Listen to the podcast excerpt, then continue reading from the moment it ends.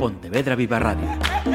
Cara a cara. Damas y caballeros, la Asociación de Directores de Informativos de Radio y Televisión da la bienvenida a Juan Tánchez.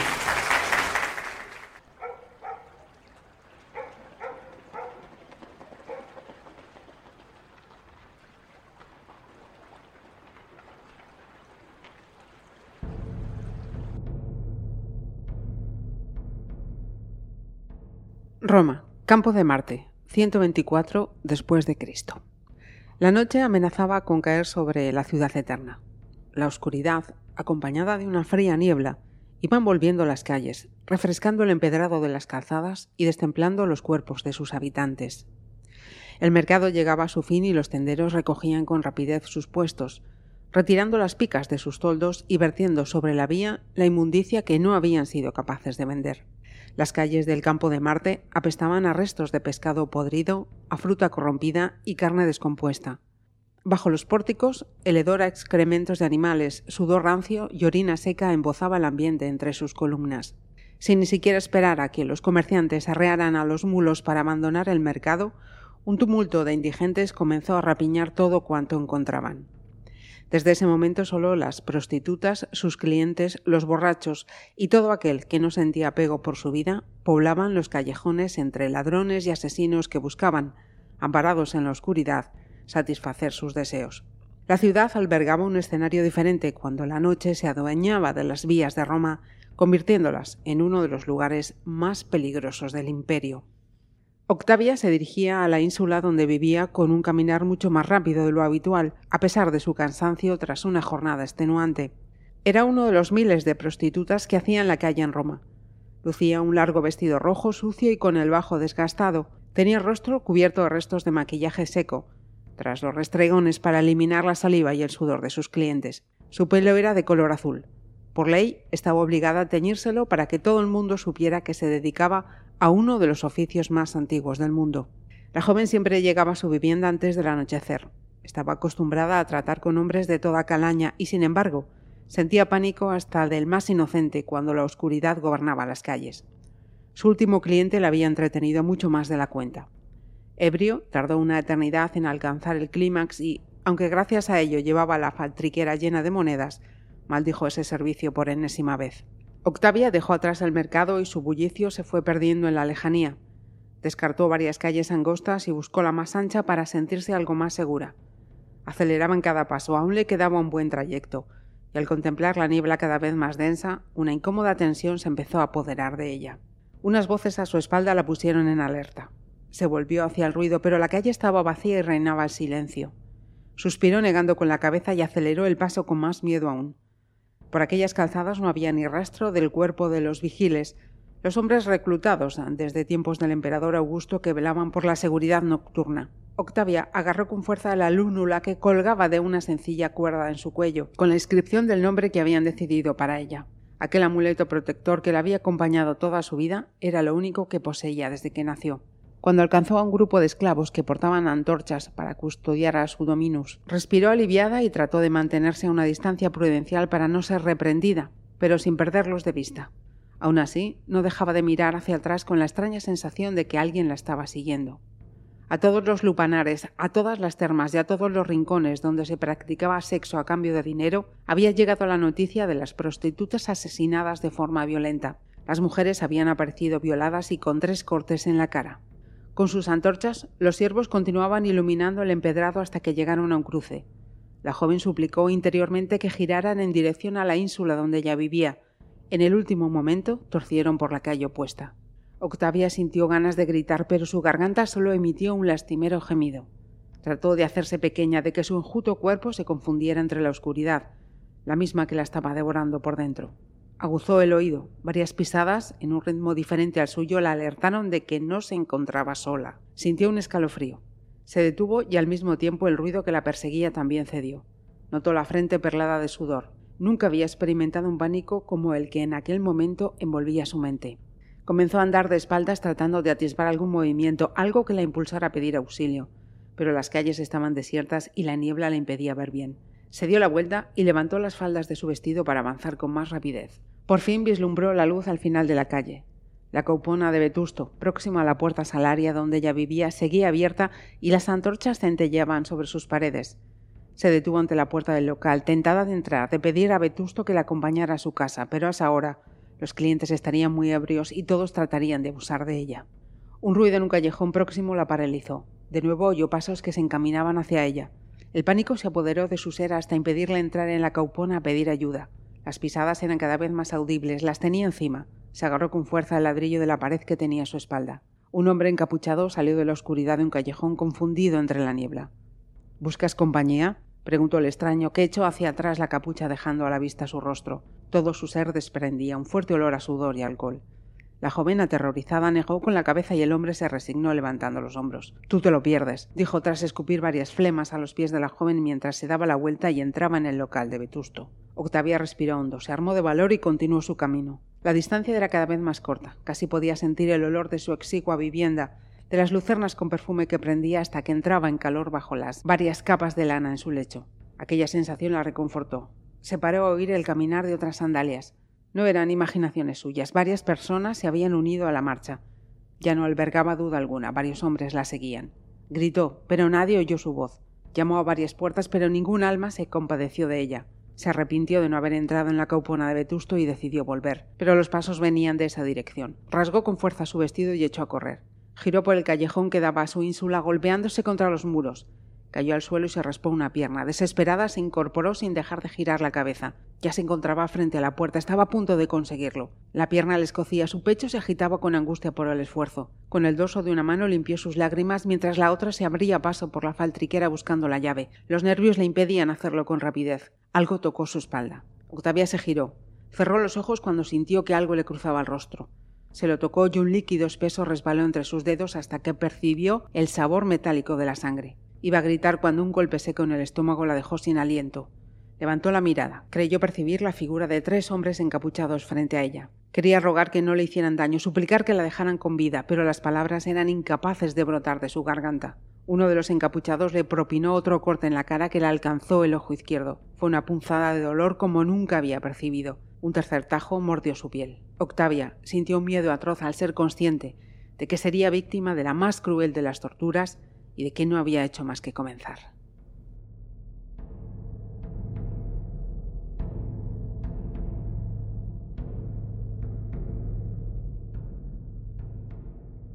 Juan Tranche es el autor de Gladiadoras, su segunda novela y no muy distante de la anterior. Si aquella Spiculus, creo que lo digo bien, hablaba de la antigua Roma y sus gladiadores, ahora se ocupa de las gladiadoras. Así que, eh, en primer lugar, Juan Tranche, gracias por estos minutos de charla, lo primero. Ah, muchas gracias a ti por la invitación a tu programa. Esta novela es ficción histórica mm, de toda esa vasta documentación de la que te has eh, servido. Empecemos por el, por el título. Eh, gladiadoras. Esto significa que frente a lo que hemos ido conociendo de la historia, pues a través de libros, de, cine, de, de la propia historia, también hubo mujeres gladiadoras.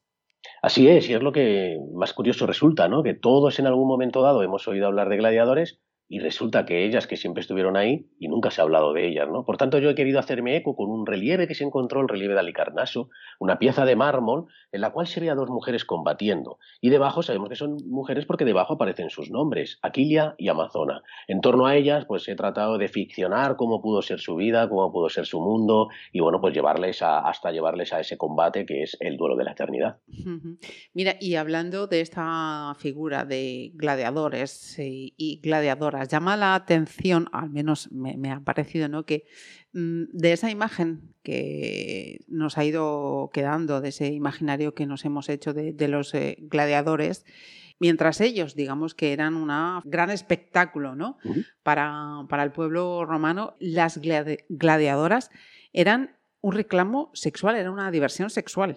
Bueno, así es como se cree que seguramente empezaron, ¿no? Es decir, tenemos, por ejemplo, una lucerna que se encontró en Arles, en la cual vemos a un hombre practicando, haciendo el amor, practicando sexo con una mujer vestida de gladiadora, lo que claramente es una fantasía sexual, ¿no? Probablemente de ahí a la de esa fantasía a la arena, pues no, no tardará mucho tiempo, de, de verdad. Y luego también es verdad que los romanos sentían una, como que rápidamente era muy difícil e era costoso siempre el tratar de tenerles entretenidos, ¿no? Es decir, siempre querían más, siempre querían más. Y es uno de los motivos por los que probablemente también nacieran las luchas de gladiadoras, ¿no? Porque era algo como muy poco visto, como muy snob para la época y por tanto pues su presencia empezaría seguramente con estas connotaciones sexuales y empezó a darse en juegos en los que probablemente el editor, que es quien paga los juegos, quisiera hacer de alguna manera una especie de alarde de su riqueza, ¿no? Porque seguramente que fueran, dicho por favor con el, con el mayor de los respetos, un bien eh, bastante, bastante escaso, ¿no? Entonces tenemos ahí ese punto hasta que nos lleva a ese relieve del que hemos hablado, es decir, que empiezan incluso además en combates de relleno, porque sabemos también una cita que nos dice Dion Casio en el que nos dice que luchaban a veces mujeres contra enanos. No quiere decir que, y lo digo de verdad, no lo digo ni mucho menos de una manera despectiva, sino que luchaban enanos contra enanos y gladiadoras con gladiadoras, pero están haciendo una alusión a combates de relleno. Es decir, a que no les daban esa importancia. Entre los grandes combates, pues las íbamos metiendo, hasta que llegamos a este combate del que hemos hablado, al combate entre Aquile y Amazona. ¿Y por qué es llamativo? Porque no hay ningún combate masculino, no hay, no lo hemos encontrado que le hayan hecho una pieza de mármol para homenajear el gran espectáculo que tuvieron que dar estas dos gladiadoras. ¿no? Por tanto, como ves, empezaron con connotaciones sexuales y acaba convirtiéndose pues, todo en un espectáculo de masas hasta el año 200, donde el emperador Septimio Severo las prohíbe definitivamente. Tengo que decir que una de las eh, virtudes eh, del autor es saber enganchar a los lectores ya en las primeras páginas y llevarnos con mucha precisión por esa antigua Roma sin que nos sintamos desconocedores, porque hay veces que te enfrentas a un texto y, te cuesta, ¿no? Por esas palabras que introduces, por esos lugares, por esas descripciones. Sin embargo, en este caso, en absoluto, te, metes en, la historia desde, desde el principio. Pues te agradezco mucho tus palabras porque ha sido la intención que yo tenía. Es decir, yo lo que quería era contar una historia en la que mezclara diferentes géneros en el que la historia no te abrumara, no, no quiero demostrar a nadie lo mucho o lo poco que sé, lo que quiero es que se entretenga, que se divierta. Si además, como tú dices, puedes aprender un poquito de las costumbres romanas, maravilloso. Pero todo además mezclado con ese thriller en el que tendrán que ver qué está pasando con una serie de prostitutas que están apareciendo salvajemente violadas, agredidas y asesinadas, y además tendrán que descubrir quién está detrás y por qué. Y luego también quería meter en la coctelera, por si todo esto fuera poco, quería meter también la relación más famosa, una de las más famosas de la antigüedad, que es la que unió a Adriano con Antino. Pero siempre hemos oído hablar de esta relación y cómo lo vivió la emperatriz, cómo lo vivió Vivia Sabina, qué podía hacer ella ante este amor. Pues todo eso metido en una, como es, una mezcla de géneros, ¿verdad? Pero además en capítulos cortos, buscando que sean muy ágiles y buscando en que en todos pase algo. Y en cada capítulo digas, ostras, es que cada capítulo pasa algo, que es lo que me está diciendo ahora mucha gente, ¿no? Y esa es un poco la, intención que yo tenía. Tal cual, y, la experiencia es, eh, venga, va, tengo, mm, termino este capítulo y terminas ese capítulo, no, no, no, no, venga, pero es que el siguiente... Sigo, sigo, sigo. Sí, sí, sí, es, adictiva. Como bien nos, nos decías, hay pues eh, narración épica, narración eh, histórica, aventuras, pasiones, esas dosis de, thriller y esas mujeres que toman el, protagonismo. No solo encuentro una novela eh, ambientada en la antigua Roma con esa figura de las gladiadoras, sino también una novela en la que la protagonista es la mujer de la antigua Roma.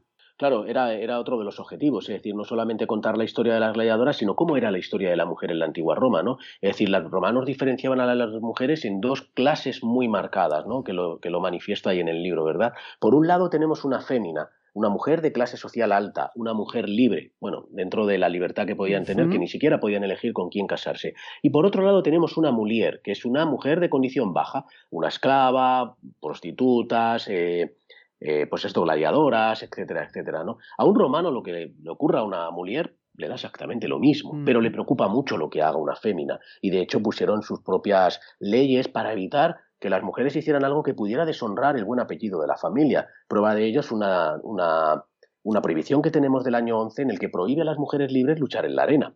Es mm. decir, que sentían esta llamada, quién sabe si para evitar matrimonios no deseados, etcétera. Pero quería contar estos dos mundos, ¿no? Dos mujeres de la misma época y sin embargo, dos mundos completamente distintos entre estas mujeres. Entonces, era lo que yo quería hacerme eco, ¿no? De cómo era, y es lo que más me ha costado documentarme para, para un poco que los lectores sientan que están viajando a la antigua Roma y que están paseando por las calles junto a estas mujeres, ¿no? Se nota perfectamente, además hay frases de, mm, demoledoras, me vas a permitir alguna. Una de las eh, protagonistas dice, entonces espero que hayamos aprendido la lección. Una mujer siempre ha de ganar dos veces otra de ellas, déjame soñar con un mundo en el que nosotras, las mujeres, seamos dueñas de nuestro propio mm, destino. Es, brutal y además eso, vas leyendo y te vas dando cuenta y dices tú, efectivamente, mujeres, pero, pero qué diferencias eh, tesituras y, a veces llegando a una misma conclusión, que estar en un estatus de arriba no, no, no significaba somos, eh, somos libres. Eh, me has hecho efectivamente esa diferencia que te quería comentar entre esas eh, féminas y esas mujeres. Y también quería preguntarte, por otra cuestión que, que también has mencionado al, comienzo, la homosexualidad. Y esas relaciones homosexuales del propio Adriano, como tú has dicho. Sí, bueno, la homosexualidad, sobre la homosexualidad en la antigua Roma sigue habiendo hoy en día muchos debates, ¿no? Sobre si estaba bien consentida, si estaba bien vista, si estaba... A ver, sí que sabemos que la homosexualidad ellos lo veían por estatus y por clases sociales. Es decir, eh, una persona que tenga una posición más alta debe tener un papel más activo y una persona que tenga un papel más bajo, una condición más baja, tiene que tener un papel más pasivo, ¿no? ¿Qué ocurre con esto también? Que mira, te voy a poner un ejemplo. Los gladiadores, había un tipo de gladiador al que le ponían una túnica y le llamaban tunicati para de alguna manera marcarles como que eran homosexuales. Por tanto, quizás a lo mejor no estaba tan bien visto como consideramos. Adriano sabemos que le llamaban el grieguito, porque los romanos también desprecian un poco todo lo que tiene que ver con Grecia. Ellos eran superiores, ¿no? Los griegos sí que tenían bastante bien aceptada toda la parte de la homosexualidad, pero los romanos yo hay veces que tiendo a pensar que sí, en otras opiniones leo que no. Es decir, que hay un poco, como ves, todavía un debate sobre si la homosexualidad estaba o no estaba permitida. Lo que sí que está claro es que Adriano fue muy valiente, las cosas como son. Es decir, Adriano fue un hombre valiente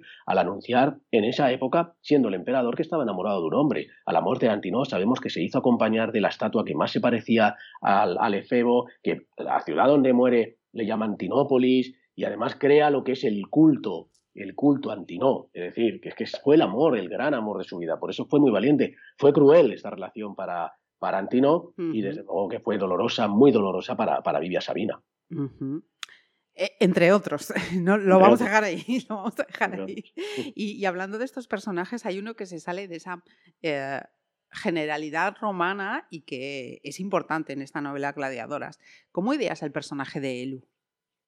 Al personaje de Luz, bueno, muy buena pregunta. Además, es que yo sobre todo, bueno, pues como habéis visto, hay una, pues uno de los personajes, Elena, ¿no? Tiene, tiene una enfermedad, ¿no? Y yo esa enfermedad, lo único que encontré una especie de cura era a través de la medicina tradicional china. Entonces, hablando con un amigo que es experto y es médico de la medicina tradicional china, pues me dio muchos consejos sobre cómo se podía en esa época paliar un poquito todos estos restos. O sea que realmente llegó a Lu un poco por casualidad, pero sé que es uno de los personajes que más, eh, de alguna manera, más cariño está suscitando. Generando, ¿no? Sí, sí. Sí, sí, porque además es un personaje que en un primer momento no te voy a engañar si te digo que no iba a tener tantísimo protagonismo, ¿no? Pero es cierto que se hacía imprescindible que cada vez fuera teniendo más, teniendo más, hasta que, bueno, pues yo creo que, que al final se convierte pues, en uno de los grandes personajes de la, de la novela. Y esto es para que muchas veces dicen estas fricadas que tienen los escritores de que los personajes nos hablan, ¿no? Y en este caso, pues se veía claramente como Lu tenía que tener un personaje mucho más eh, importante del que yo le había dado al principio.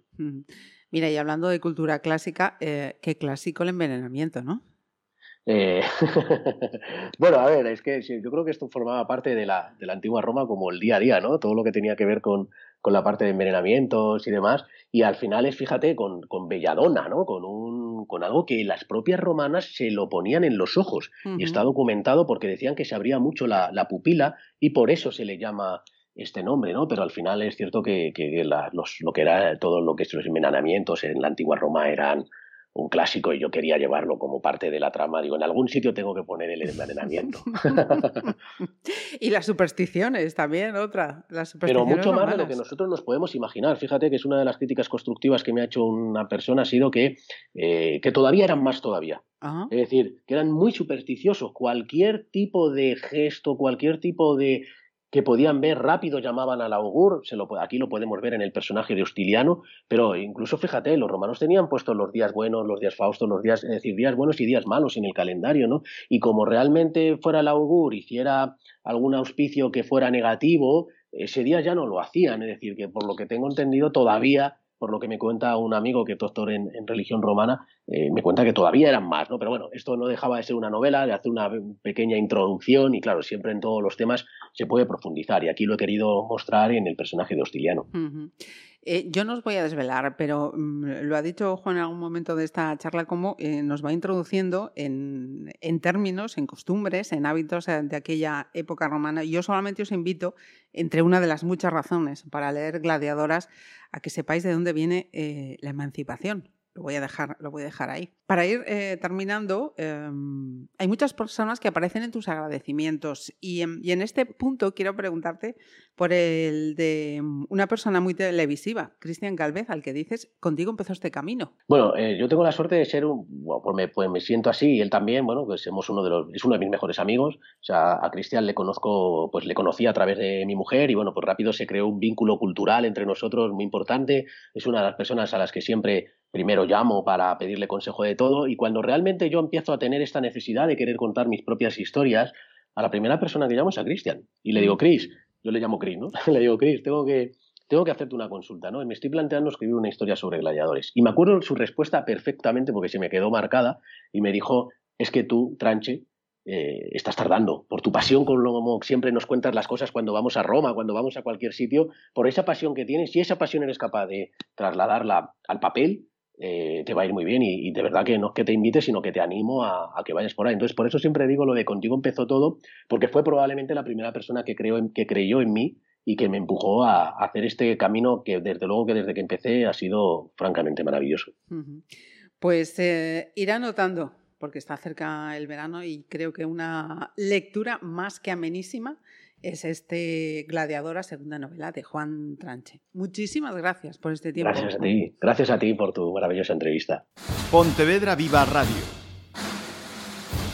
¿Me permiten que les haga un comentario como espectadores del programa Cara a Cara?